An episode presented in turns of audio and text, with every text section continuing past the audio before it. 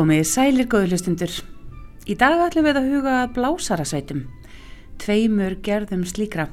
Stórsveit og lúðrasveit. Hver er munurinn á þessu tvennu og hver er upprunni og tilgangur slíkra fyrirbæra?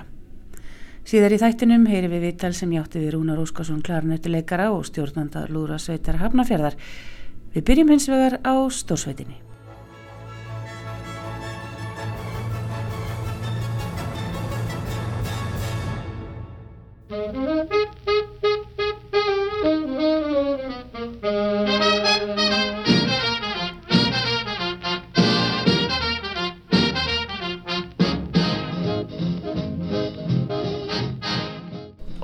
Hver er betri að ræða um stórsveitir hér á landi en Sigurður Flósason sem stýrir stórsveit Reykjavíkur. Eh, Sigurður, takk fyrir að koma og spjallaði mig. Takk fyrir, ég ætla nú aðeins að vera þetta að ég stýra ekki stjórnstrækjavíkur. Eh, ég er einna meðlum hennar og ég stjórn henni stundum eins og margi fleiri og ég er í stjórn hennar en ég er sérst ekki stjórnandinn með stóra essi. Hver er stjórnandinn með stóra essi? Engin, það er bara eins og í Simfóljónst Íslands að, að það er bara mismunandi stjórnendur fyrir mismunandi verkefni. Já, en það er náttúrulega yfir stjórnandi er náttúrulega Jan Pascal Tortillier yfir Simfó Já. en má ekki segja að þú sést svoleiðis með stórsveitina? Nei, eiginlega ekki. Ég er bara einn af, einn af mörgum og einn af meðlumunum. Við erum eiginlega ekki með svoleiðis fyrir bara þessi eitt svona sem er einhvers konar listrætt stjórnandi eða þannig. En þú ert að minnstu kosti vel að þér, ef að segja það. Já, ég skal játa að ég veit einhvað um málið, já, já. En uh, ef við byrjum bara að byrjuninni, hver er sagan eiginlega, hver er saga stórsveita? E, hún nær aftur til fyrstu áratöga 20. aldar. E, ef við kannski byrjum á sögu djastónlistar, þá er fyrsta djastljónplatan gefin út í februarmánuð árið 1917 og það er svolítið erfitt að fullera um nákvæmlega hvað gerðist á undan af því við eigum ekki heimildur um það.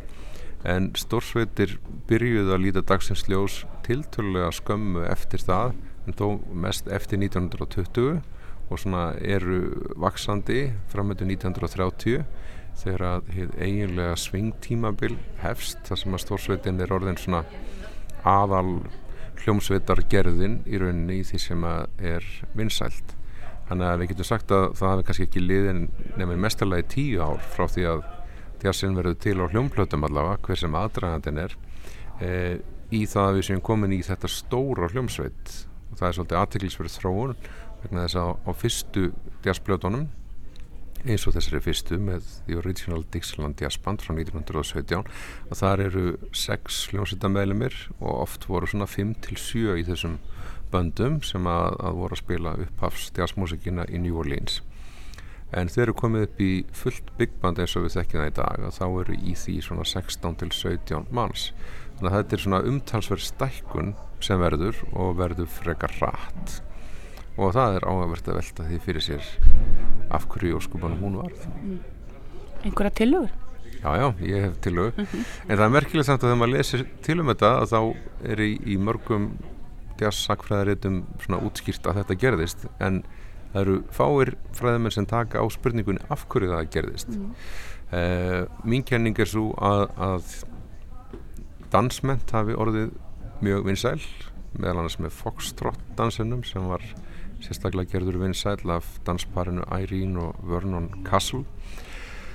Og það greip um sig svona dansæði í, í heiminum á milli stríðsara og við þekkið það náttúrulega bara í nútímanum að dansin svona kemur og fer í bylgjum. Í nútímanum er það svona eftir bíómyndum sem verða vinsalar og svo hjaðnar hann á milli en dansin átti sér mikið rís á þessum tíma og náttúrulega líka á tíma þegar það var minna um uh, aftreyingu í fjölmjölum og slíkt.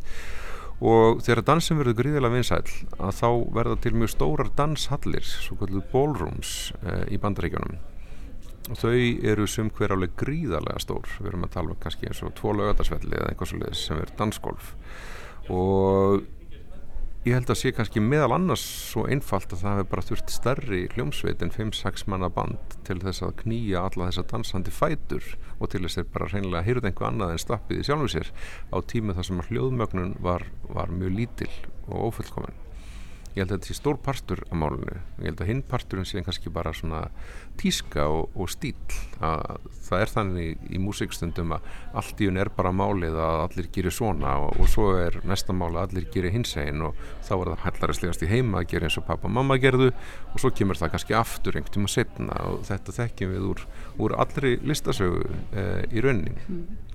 Þannig að ég held að þetta sé sambland af tískuströymi og dansvæðingu sem hafi kannski valdi því að, að málinn tróðust einhvern veginn í þess átt að svona stórar hljómsveitir verður vinsalar.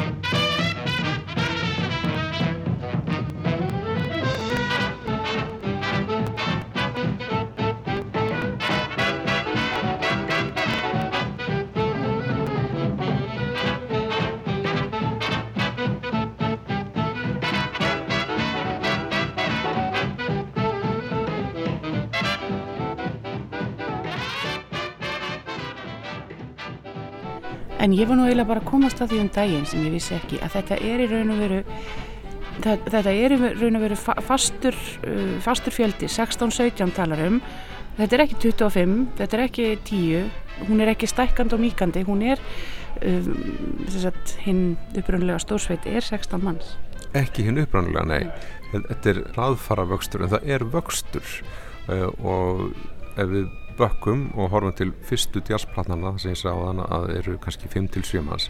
Þá voru í þeim þrýr blásarar yfirlega eh, eitt trombett, einn básuna og eitt klarinett. Og maður getur sagt að hlutverk þeirra hljóðfara hafi endur speglað hlutverk sömur hljóðfara í lúðrasveitum þar sem að trombettin er laglínu berandi hljóðfari, básunan spilar bassatónaði milliratir og klarinettið skreitir eins og önnu treflustusliðafari í Lúrasveit e, í stórsveitinni er þetta að segja með orðum Jóns Múla heitins Ornarssonar að blásara framlýna New Orleans jazzins hafi tví og þrý doblast. Þar að segja að í staðan fyrir að veri eitt trombett þá voru þeir fyrst tveir og svo þrýr og svo fjórir. Og sama með básónuna og sama með trébásturinn, klarinettin sem að urðu á leiðinni að saxofónum að mestu leiti að þeim, þetta stækkar svona eh, ekki einu vetfangi en kannski þegar er sko komið inn á miðjan 5. áratvíinn 1944-5 þá getur maður fara að tala um það að það sé komið svona nokkuð stabiliseru starð hvað, hvað stórsveit er og í nútímanum og allavega aftur til þess tíma er þetta nokkuð fast þetta er e, fjóri trompetar, fjóra básunur fimm saxofónar og þrýr til fjórir í ritmasveit, hreinsveit, þar sem eru piano, bass og trommur og stundum gítar, það er ekki alltaf gítar. Þannig að þetta eru 16 til 17 er, er först starð og þetta er, ef maður ber saman við klassika músík, þetta er eins og strengja kvartett eða blásara kvintett, þetta er ekki eitthvað annað og það er einmitt svo merkilegt að, að kollegar mínir í, í klassikri músík vita oft ekkert um þetta eh, og stundur ringir fólk og vil ráða stórsveitur Reykjavíkur og segir já en getið ekki verið færri? En svarið er nei, það er ekki þannig. Eh, útsetningarnar eru gerðar fyrir nákvæmlega þetta. Það þýðir ekki að séu engin frávik frá þessu það eru einstaka frávik, það er einstaka höfundur sem hefur skrifað fyrir fimm trompeta eða fyrir auka slagverðsleikara eða einhver svona frávik ef maður getur sagt að svona 93,5% að þá er stórsveit nákvæmlega þetta sem ég var að, að lýsa á þann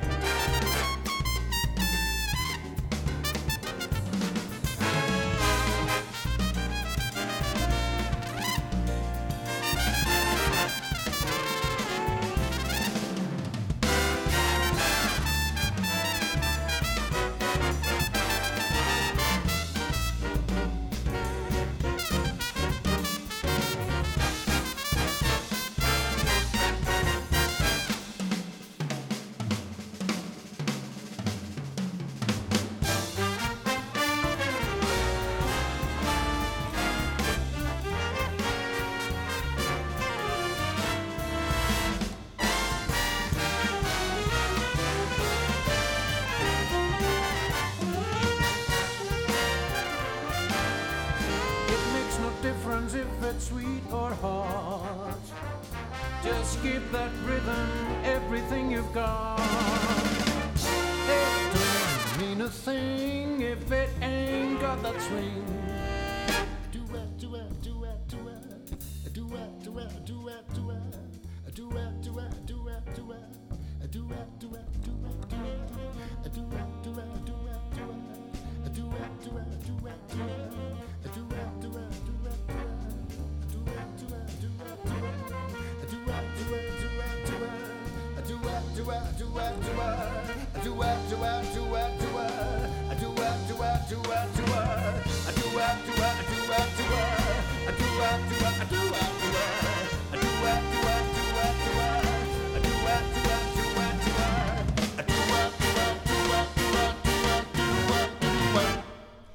Nú ert þú, að mér skilst, ekki rétt alveg upp í, í lúðrasveit, lúðrasveitinni Svan á einhverju leiti. Jú, jú, ég er það og fyrst batn og úlinga lúðrasveitur Reykjavíkuborgar og, og svo lúðrasveitin Svan, já.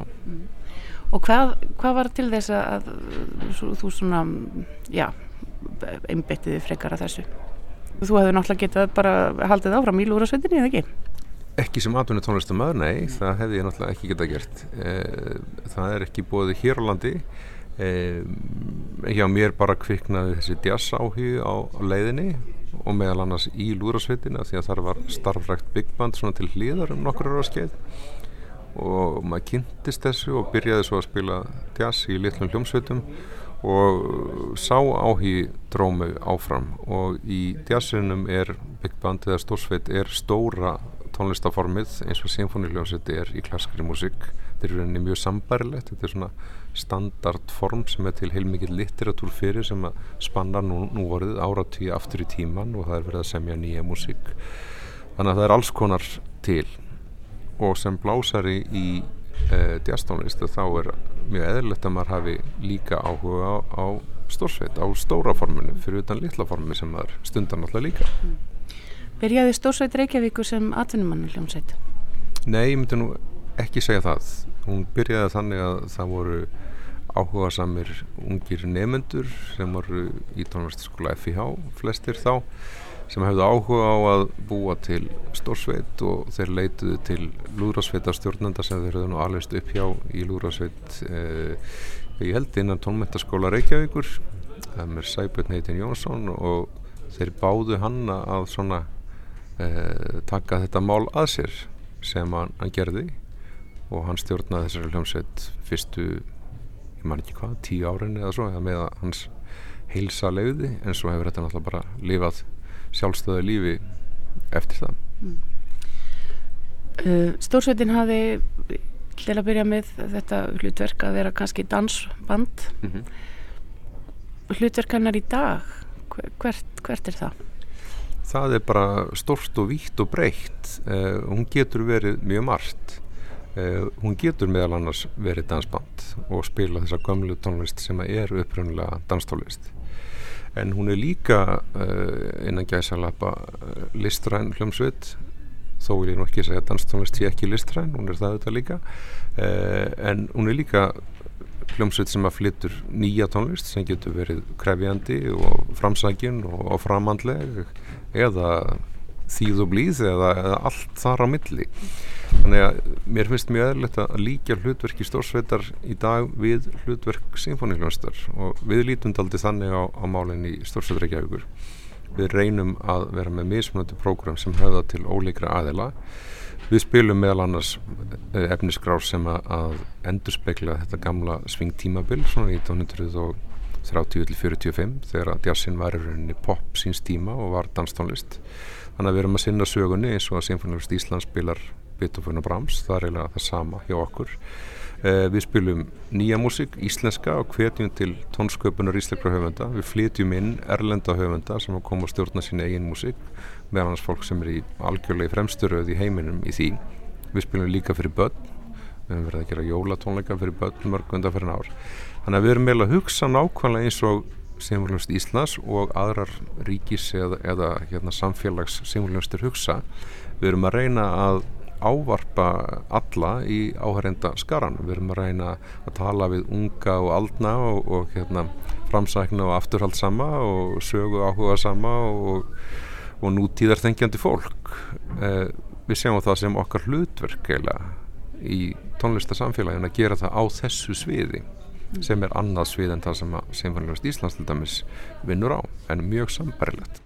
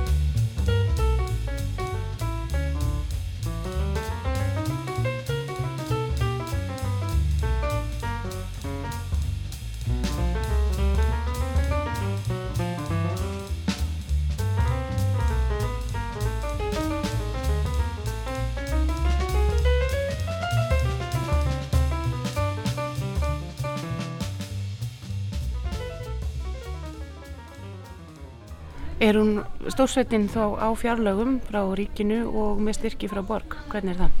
Nei, aldeilis ekki. Það, þar likur nú stóri munurinn og hundurinn grafin, má segja. E, Stórsveit Reykjavíkur nýtur frekar lítil stuðning, svo hún hefur stuðning frá Reykjavíkuborg og frá tónlistarsjóði, það sem þarf að sækja um styrki sem annarkvort eru til eins ás eða maður er er þetta að fá þryggjára samning.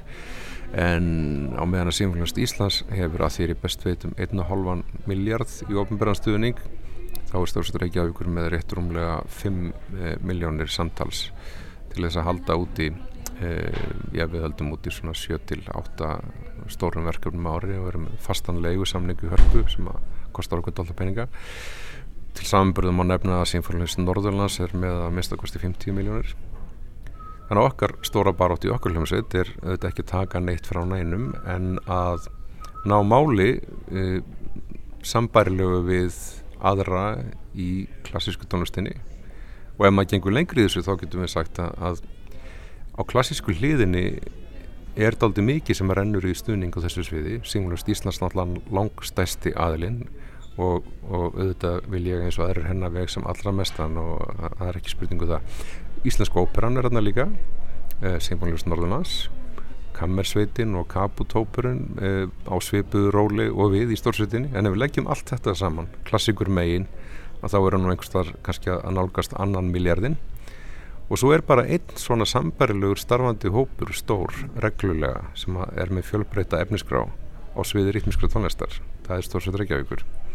Með þessa örlittlu prósendu af kökunni og okkar óski er náttúrulega að þetta breytist að við getum verið á fjárlugum meðan minnst að kosti svipaða tölu og allir með Sinfóniðist Norðunans og gætum staði betur að okkar starfsemi og haft einhvað fólk á skrifstöfu og og kynnt okkar mál betur og borgað okkar meðlumum og gestum eh, miklu meira en þau smánar laun sem við gerum langt undir öllum leifilegum tökstum.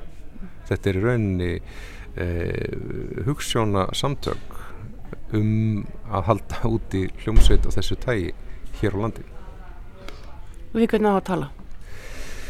Það á að tala náttúrulega við mentamálar á þeirra fyrst og fremst og alþingi og, og svo erum við nú að vinna að þessu svona breyðum grundvelli líka að ná svona einhvers konar margliða samkúmulegi kannski við við mentamálaráðaneytið og hörpu og vonandi ríkisútarpið sem að reyndar á sér gamla sögu í stórsveitamálum af því að ríkisútarpið er stórsveit Uh, á um, nýjunda áratug síðustu aldar í 2-3 ár stórsveitur ríkisútarsins á svipaðan hátt og hefur verið gert til dæmis í Danmörk og Þískalandi þar eru ríkisstórsveitir sem eru regnar í, í gegnum uh, ríkisútarstöðar mín skoðan er reynda svo að Ísland sé á lítið land til að bera þannig.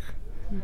uh, ætlast til þess að ríkisútarpi geri það. Það sé reyninni ansið langsótt og hafi sannlega verið á sínum tíma. En hins vegar væri eðlilegt að Ríkisútarpi kæmi að því og hérna horfðist í augu við þessa gamlu góðu sögu og líka þá sögu að Ríkisútarpið var eh, koma að því að Sinfóníflust Íslands var það því sem hún var á sínu sviði og ég myndi kannski vilja sjá speiklun á þessu hjá öllum aðelum hjá útvarpinu og hjá ríkisvaldinu og hjá félagi íslenskar hljómlistamanna sem líka stóða þessu öllum með symfóníuna á sínu tíma. Að við getum lift sambarilega stórum hópi á sviði rítmiskra tónlistar upp á svipaðan stall eða svipaða aðstöðu skulum við segja og Symfóníulust Íslands hefur. Við erum náttúrulega alveg gríðarlega fjarrri því eins og staðan er í dag En ef við tölum aftur um Uh, sveitina sem, sem fyrirbæri er þetta alltaf sömu meðlimirni sem eru í sveitinni er þetta uh, það sem heitir fastráðni meðlimir eða er, er það svona mismunandi hverjir er að spila með? Í okkar hljómsveiti eru sem sagt fastir meðlimir uh, en það er ekki alltaf allir meðlimir get ekki alltaf allir meðlimir með og þá eru staðgenglar og sömu staðgenglar eru oft og svo kannski hættir einhver fastum meðlumur og, og þá verður einhver staðgengil að fastum meðlumi en þegar er verið í svona hugsunastarfi þar sem að launin eru lítil og áður stundum engin e, þá náttúrulega er mikilvægt að huga vel að meðlumunum þó að þessu auðvitað að hafa einhver önnu sjónamið að það eitt að hérna, koma fleirum að eða eitthvað. En það er erfitt að, að sko fara þá leið þegar að þeir sem hafa unnið alla vinnuna frá byrjun er ennþá að gera það fyrir næstum því ekki neitt En nú er eins og Sinfoníuhljóðstin, að því að þú ert að bera þetta tvönd saman, Já. eins og Sinfoníuhljóðstin, hún rekur uh, litla ungsveit. Um, þegar fólk kemur þarna inn, hefur það einhverja reynslu að spila í svona stórsveit? Já, oft er það eitthvað af því að það eru náttúrulega skólastórsveitir uh, til dæmis í tónlistaskóla FIH og núna í hinnum nýja mentaskóla í tónlist oft hefur þetta fólk verið í, þeim eða í einhverjum öðrum skólum þar sem að svona er og stundum hafa fleiri neitt skóli tekið sér saman um tímabundin stórsveitarekstur eins og í Hafnafjörð og Garðabæ eða það hefur verið mikið stórsveitastarf í Reykjanesbæ líka. Þannig að oft hafa þessi krakkar uh, reynslu af slíku og koma svo inn hjá okkur sem staðgenglar og, og hérna svona slípast til í, í þessu fæi en þetta er sértakt fag að spila í svona og læra frasera og gera hluti eins og er, er gert í þessum stíl tónlistar Núna í dag, um, hvað heldur að sé, já, hver eru svona frægustu stórsveitinnar í dag? Benny Goodman var á sínum tíma og, og um, hver annar Glenn Miller, hverjir eru svona topparnir í dag? Þetta er kannski snýst daldið í dag um þá sem er að skrifa tónlist fyrir stórsveitir og er að búa til nýja músík. Og þeir aðeilar eru stundum með sín eigin bönd sem eru ekki endilega fullkomlega reglulega starfandi heldur kannski einhver uh, höfundur í New York. Og nú nefnir ég til dæmis Mariu Snyder sem er uh, eitt af stærstu nefnunum í þessu í dag sem er með band sem að spila bara svona öðru kvoru það er allir að gera einhvað annað og hún hefur heldur engan pening til að reyka sig sem hljómsveit. En svona fólk er síðan að heimsækja aðra hljómsveitir eins og okkar hljómsveit eða ríkisljómsveitir einhverja annar að landa og koma og spila sína músík þar. Þannig að það er kannski meira höfundurinn og stjórnandinn eh, sem er stóra nafnið í dag heldur en endilega hljómsveitin. Þó að, að einhver bönd sem að tengjast einhverjum höfundum eins og henni eða Bob Mintzer eða fleirum já, en þessi bönd starfa ekki á sama grundvill og gerstur áður þegar þetta voru dansljónsettir af því að það er bara ekki markaður þanniglega að séð fyrir það. Þetta eru í rauninni alvarlegi tónleikar sem hefur verið að halda en, en ekki danstónlist. Hafið þið haldið dansiball? Já, ég ekki um ekki haldið það sjálfur en við hefum spilað við hefum ráðunir af einhverjum aðalum til þess að, gera svo leiðis var það ekki svolítið skemmtilegt? það var bara alveg ágætt. Það er bara fínt. Það er ekki það sem við höfum mestan áhuga á að gera. Ég fæ þessa spurningu stundum. Mikið væri æðislegt eða það, þú veist, já já þetta er allt í lagi bara show me the money veist, það, þarf að, það þarf að borga fyrir vinnuna. Fólk heldur ofta að það sé það æðislegsta sem það getur gert að, spila balli það er bara erfið og þreytandi vinna. Það sem fólk er ekki að hlusta jafn mikið á það sem maður er að gera og þeir eru að spila á tónleikum. En sko engin vannverðing það, það er hérna fínt starf að spila á dansleikjum, ég hef sjálfur gert mikið af því í gegnum tíðina. En svona það er ekki það sem er fremst í okkar huga með þessa hljómsveit að gera það nema að það sé eitthvað bara launað starf sko Og dansaði einhver? Já, já, það er um, bæði gert þetta fyrir einhver enga fyrirtæki á ásáttíðum og, og einn mentaskóli hér í bæði mentaskólinu Reykjavík hefur, hefur stundum verið með svona gamaldags böll einhver, það sem einu sinni sé hér fyrluball, hefur stundum verið með big band í setni tíð og við hefum spilað á þessu og þetta er bara alveg príðilegt og allt gott um það að segja. Hvað sérðu stórsveitina, ég var að segja eftir 5 ár, 10 ár?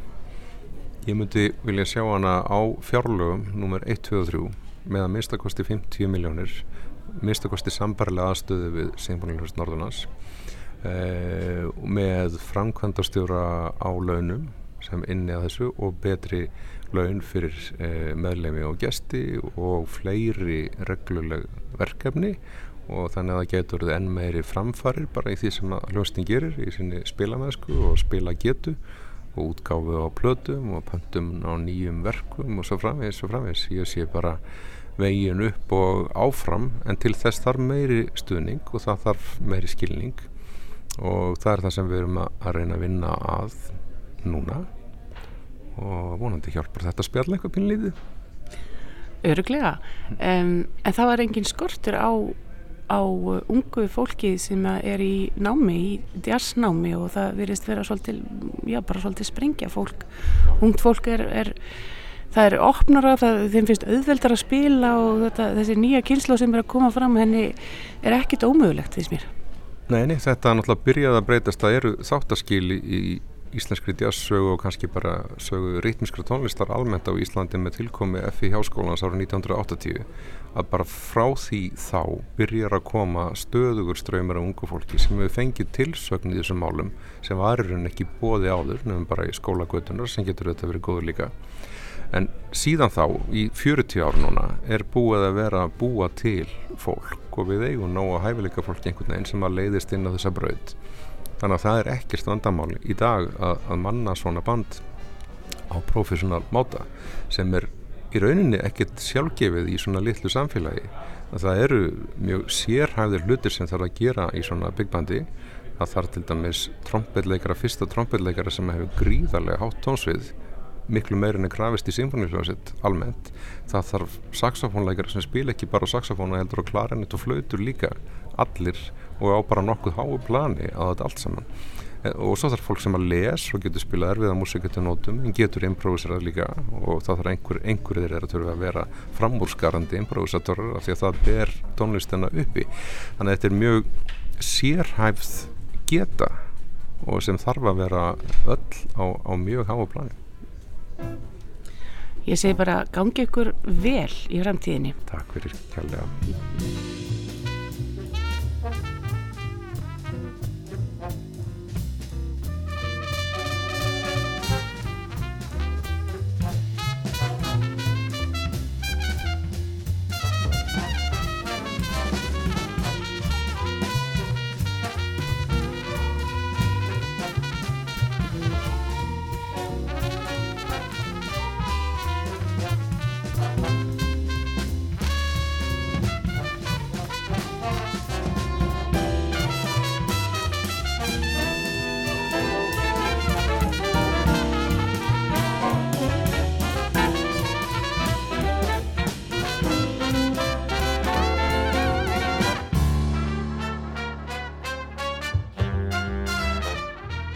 Ari Bræði Kárásson sem blés þarna listilega í trompetin með Stórsveit Reykjavíkur í lagi eftir Björn Tórótsen.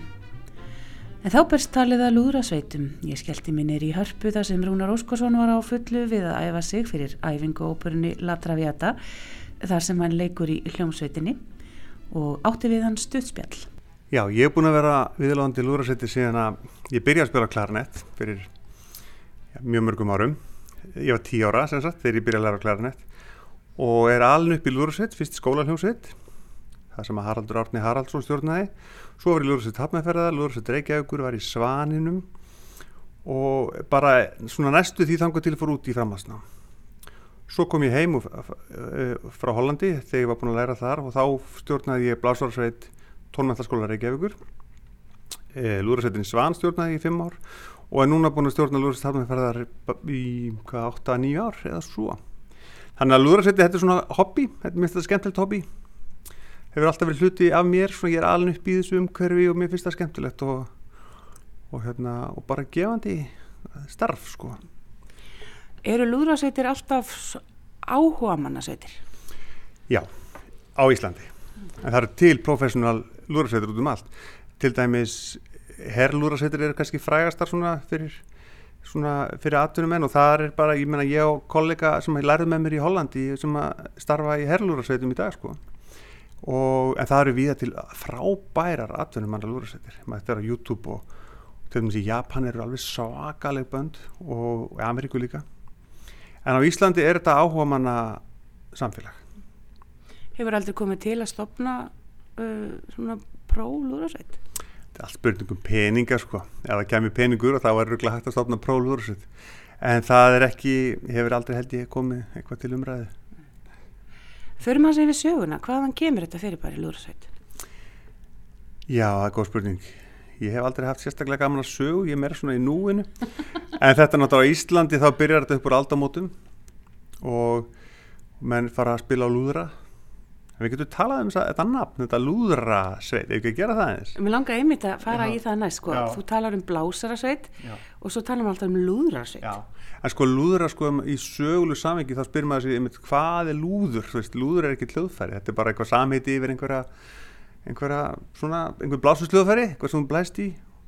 Og Íslandi er þetta notað um ímislegt annað, þú veist, að gefa þær á lúðurinn, þú veist, menn segja alls konar svona hluti sem að, veist, sem að kannski koma lúðurum ekkert við. Sko lúðurasveit, þetta hefur á sér eitthvað svona, það er eitthvað svona blæri yfir þessu nafni sem að er kannski, menn nota jafnvel oft í neikværi merkingu, ef þeir heyri eitthvað falskt eða ljótt og hvað, eitthvað lúðurasveita bræður á þessu, þá verð ég alltaf voða móðgæðu sko, að því að okkar lúðurasveit við reynum alltaf að gera allt óbúslega fínlegt og fallegt. En svona, þegar Sæbjörn Jónsson stjórnaði blásarasveit tónmæntaskólan Þá vildi hann ekki að hún er köllu lúðrasveit. Hann vildi kalla þetta blásarasveit. Og hugsanlega er annað blæri yfir því nafni heldur en lúðrasveit. Það er eitthvað svona, hvað lúðrasveit, það er eitthvað svona sjö kallar norpandi undir gabli í rigningu að spila öksæfi án eitthvað. Það er eitthvað þannig sko sem að, það hefur svona ímyndin er eitthvað þannig sko sem er líka bara svolítið skemmtilegt og það er margt til í þessari ímynd sko það er náttúrulega að hafa allir heyrt falska lúðrasveit og hérna, en það er ekki það sem lúðrasveitastar gengur út á. Alls ekki, kjarnastarfsemin er að halda tónleika. Og ef við skoðum til dæmis í Ameríku eru þessar hljómsveitir eins og við erum með þessar íslensku hljómsveitir þar heita þær concert band. Og hérna þar að segja bara tónleika hljómsveitir sko, bara til þess að spila tónleikum. Og það er kjarnastarfsemi allra lúðrasveita á Íslandi í dag. Við æfum og svo höldum við tónleika lúðrasveit hafnafjara spilar bara úti einu sinni á, einu sinni á ári bara 17. júni spiluðum áður líka alltaf fyrsta mæ nú erum við hættir að í kröfugungur í hafnafjari einhverjum orsökum. En um, þannig að við höldum tónleika og spilum tónlist ekki bara polka og valsa heldur alvöru lúðrasveita tónlist sem er samin sérstaklega fyrir lúðrasveitir. Nýja tónlist, mjög mikið nýri tónlist. Þessi tónlist sem við erum að spila hún er öll samin á síðustu 10-20 árum og er nútíma tónlist í þeirri merkingu að hún er ný. Á samt lítið skil, skilt við nútíma tónlist svona sinfóníska heimsins. Hún er, hvað var að segja hressari, ég voru það þannig. Og hérna hann er að við reynum að og við reynum, þú veist, tilgangurinn með þessu öllu er að reyna að spila tónlist eins vil og getum með öllu þeir núansum sem að, sem að blasustjóðfærin hafa yfir að svona, já, hafa allir þeir núansar sem að þessi blasustjóðfæri hafa, eins og það er miklu meira heldur en bara spila stert einhvers staðar út í regningu, sko. Þannig að við reynum að þroska allir þessi fínlegu blæbriði líka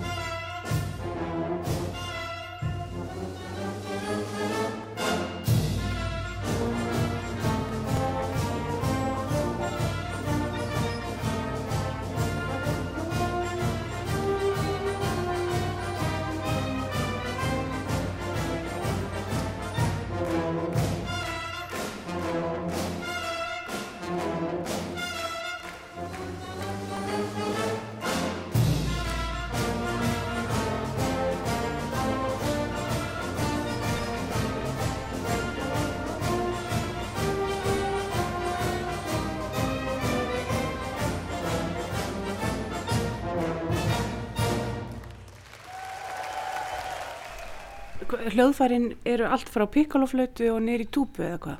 Já, þetta er nefnilega mörg hljóðfæri. Alls konar hljóðfæri kannski sem ég veit ekki mikið um. Túpa, svo er lítil túpa eða baritón baritón, básunur, klarinett saxofónar og trompetar og horn. Og svo við erum ekki, hefum ekki verið með fagott eða óbó í hljómsveitinu okkar.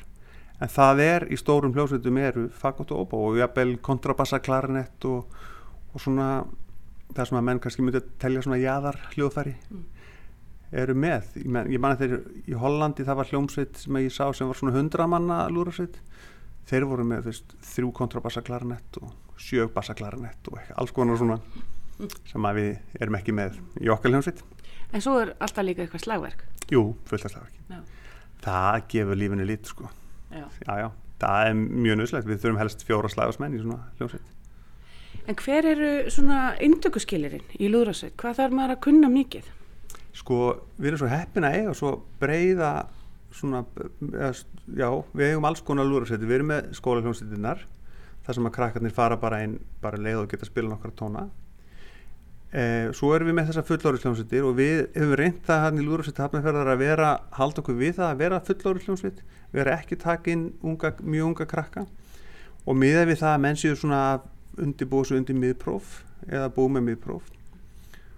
Og í lúðursetinu okkar eru er fólk á öllum aldri, þeir yngstu eru um 17-18 ára og elsti er rúmlega 70 þannig að sumir eru mikið mentaðir, aðri lítið mentaðir uh, það eru krakkarna sem eru útskriðu listaháskólanum bara, það er bara alls konar fólk. Og, en allir hafa þetta samiðilega markmið að, að, að nenna þessu og vilja þetta en í lúðursetinu þarftu líka að æfa þig. Þegar þú komið hljóðfæri þá þarftu alltaf að halda þær við. Ég er nefnilega sungið mikið í kórum líka. Og að fara á kóræfingu þá bara ferða á kóræfinguna sem er einu svona tísari viku, syngur, svo ferðu heim. Kannski þetta að læra smá texta eða eitthvað en það er svona, starfið er þannig. Hljóðfærarleikarinn hann þarf alltaf að vera að æfa sig. Og ég hef verið harður á því minni lúðrasveit að, að menn æfi sig heima. Og það skilar árangri. Það er bara æfingi skapa meistara, þetta gamla máltæki sko það á svo vel við alltaf. Þannig að þetta er, þetta er góð leið til þess sko ef fólk er ekki uh, svona atvinnu hljóðfærarleikarar hefur lært og vil spila þá er þetta góð leið til þess að halda sér við. Já, algjörlega. Algjörlega, þetta er frábær leið til þess að halda sér við til þess að halda og vera innan um fólk sem hefur sama áhuga mál veist, þetta er svo magnað, þetta er svo magnaður hópur sem að, minna, við erum með alls konar fólk hérna, með námsfólk og verkfræðing hjúkurnafræðing og verslunarstjóri og skólastjóri, það er alls konar fólk hérna og allir fara bara þarna þær klukkustundur á viku, spila tónlist og hugsa ekki um neitt annað með, þetta er bara svona ákveðið núvitund, þú ert bara í þessu og allir er að, að, að vinna sama dagmarkinu, það skiptir ekki máli úr hvað áttu kemur. Og allt þetta fólk á það sammeilegt að hafa lært tónlist einhvern tímann í æsku. Sumir eru ennþá að læra og aðrir hættir en halda þessu alltaf við. Þannig að þetta er frábær frábær aðferð til þess. En tónlistin sem er spilið, hún er svolítið svona já þessi lúðrásveita tónlist allir þekkja nú uh, John Philip Sousa, Marsana og, og þeir eru nú ansið hressir og kemur fólki gott skap. Er þetta allt svona tónlist sem að já, er svona hress og, og svona mann langar svolítið að bara ráðast inn í Pólanda? Sumt, já, jú, jú, alls konar. En við spilum alls konar músík. Og ég reynir persónlega þá reynir ég að hafa svolítið hressa músík. En en en við hefum spilað alls konar veist, og reynum bara að hafa fjölbreytta tónleika og stundum þá ég, það, mér finnst alltaf skemmtilegasta músíkin sem er samin sérstaklega fyrir lúrasett mm -hmm. um, en það er til alveg ótal margar útsetningar af alls konar dóti. Eh, bara allt frá Disney lögum upp í veist, Star Wars og, og svo bara popmusík og alls konar svona. Sumt að því er skemmtilegt, annað finnst mér ekki skemmtilegt. En við spilum líka samt útsetningar af alls konar veist, þannig að við reynum að, en við, ég reyna að vera hress já, mm -hmm. það er svona bottom line sko. En ég, ég heyrði mitt eitt uh, lag þarna hjá okkur eftir um, Philip Stark held ég. Spark. Philip Spark. Já. og það er svolítið svona Star Wars uh, tengt Já. eða hvað? Jú, jú, Philip Spark er upp á tónskaldum mitt, lúðursetta tónskaldi hann er bretti hann mókar út verkonum og hefur samið til dæmis konserta fyrir held ég öll hljóðfæri sem til eru í lúrasveitinni og lúrasveit, þar sé það hann til klarnettkonsert, það til bassaklarnettkonsert og baritón túbukonsert. Og hann, en hann er, hann orkestrar frábælega, það er svo gaman að það hljómar allt svo vel hjá hann og hann skrifa tónlist fyrir, fyrir þá sem að kannski er ekki komið mjög langt, en það hljómar samt alltaf vel. Og svo líka er hann að semja tónlist sem að, sem að fyrir atvinnu sveitir sko þannig að það er, já en hann er hress og það er, hann orkestrar vel. Og þú veist, jú, jú, það er oft starfoslikt af, af þessu hjá hann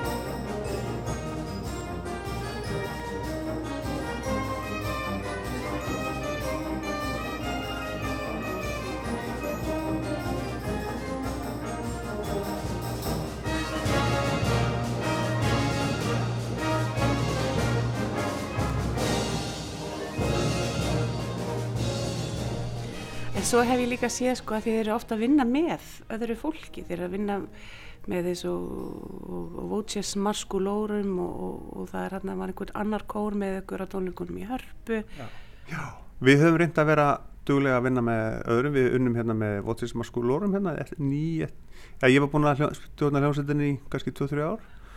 Uh, hérna stóra tónleika með Flensbokakornum og kór Flensbokaskólans og svo vorum við núna bara fyrir mánuðu síðan að klára svaka tónleika með Pollapönki og kór Öldutúrskóla sem var alveg meira átt að viðbörur við vorum í fylltum hérna íþórtahúsið í, í Hafnarfyrði og það var bara frábært. En allt snýst þetta um að gefa lífinu lit sko og að reyna að búa til eitthvað skemmtilegt þannig að öllum líði vel. Og, og, og uh, að gefa eitthvað til samfélagsins líka að vera sínileg það er tilneyingin er svo það eru ekkert allt og margir að læra á blassusljóðfæri þannig að það, mér finnst mikilvægt að við sem að erum í þessum bransa að við sínum svona smá samfélagslega ábyrð og verum sínileg og eins og þessi pollapöngstónleika voru svona tækifæri til þess að bæða að vera sínileg og gera eitthvað ríkalega skemmtilegt. Og það hefnaðist mjög vel. Og það er svolítið svona sprell að mér, svona, manni hefur fundist ofta tíðum. Svona stundum, þegar nálgast Oktoberfest til dæmis, Jú, það verður að vera sprell. Eru þá allir í, í leiturhúsin og hvað heitir st- stelpu? Já, dyr, dyrl, já. Sko, sögu, þessa sögum að rekja aftur, sko, svolítið langt aftur Hans Plóter eh, fagotleikari hann, hann bjóð til svo kallega grænum uppu í Lúðursveit Hafnarferðar þar sem að hann útsetti polka og valsa fyrir hljómsveitina sína og hljómsveitir spila svo Oktoberfestum út, út um allt sko. Og ég man eftir því þegar ég var 13-14 ára þá spilaði ég Oktoberfesti í, á Keflavíkurflugvelli hjá Hernum. Í, í leturhósin? Nei, það ekki í Leturhausen en þetta voru Oktoberfest og hjá Germaníu félaginu og en svo þegar við fórum að gera þetta aftur núna 2008-2009 þá fórum við svona aðeins að aðtók hvort við getum ekki tekið þetta upp á svona næsta level og þá var ég ákveðið að fara bara í hósurnar og gera þetta almennilega. Og nú það þannig að öll hljómsveitin á, á græður sko. þannig að við komum fram alltaf einu svona ári með eina svona stóra Oktoberfest tónleika. Og þá spilum við alla þessa tónleik sem er spiluð á Oktoberfesti í munn hérna og við spilum hana almennilega, æfum hana alveg sundur og saman, spilum hana vel náum, náum þessu vel og það er bjórbann í hljómsveitinni á meðan við erum að spila. Það er ekki þetta þetta er ekki fyllir í samkoma þannig að við svona reynum að gera þetta eins vel og við getum. Og þú setur ekkit ekstra tempo þá til þess að klára þetta sem fyrst? Nei, nei, við reynum að gera þetta eins vel og við getum. Þannig að hérna, það er að drekka bjóri setna bara. En þetta er alltaf rosa gaman. Og svo förum við oft í minni hópum líka erum að spila kannski 6-8 eða 10 manns. Þetta er alveg svolítið vinsalt hérna á Íslandi að vera með svona oktoberfest mm -hmm. þannig við reynum að vera, vera sínilegi því líka og það er alltaf rosa gaman bara Svo heimsækjum við Þískland, við erum að fara að spila núna í Ágústínir Björgarðinum, við verðum með alvöru tónleika þar núna í sumar og það verður bara frábært. Mm. Höfum gert það áður. Það er svona mekka leitur á hósin menningar. Þannig að þetta er, þetta er eh, af, afskaplega metnaðafyllt hjá okkur hérna í hafnafyrðinum og, og, og þú, hvað hva viltu segja við fólk sem er svona að spá hvað, hvað það er að gera? Hva, hvað var það að gera? Sko, ef þú vilt fara í lúrasveit þá þarfst það fyrsta lega kunna hljóðfari og það eru marga lúrasveitir til. Ég meina við erum hérna höfuborgarsvænin okkar það eru öllu lúrasveit í Þólasöfn og, og víðar. Þannig að það er um að gera að hafa samband við þá sem sem er að stjórna þessu lúrasveitum staðan er reynda núna hjá lúrastafnafæðar að við erum eiginlega bara upp bóku sko. það er ekki hægt að bæta mikið af fólki við þannig að maður vill hafa ákveðin balans líka í hljónstinni ekki verið með 30 básunur og eina þerflutu og við erum mjög heppin með það núna. Það er svakalega góðu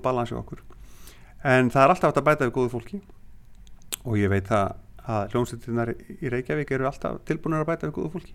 Og við erum í góðu sambandi við tónlandsskóla erum að fá þar frábæra krakka og hérna sem eru öflug og dugleg og taka þátt í þessu á líf og sál. Mjög skemmtilegt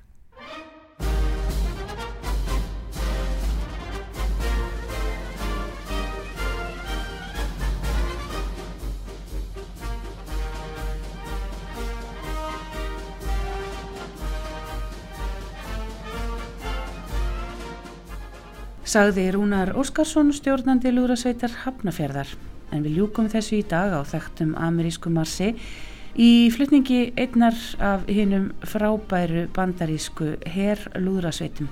Þanga til næst hafið það sem allra best.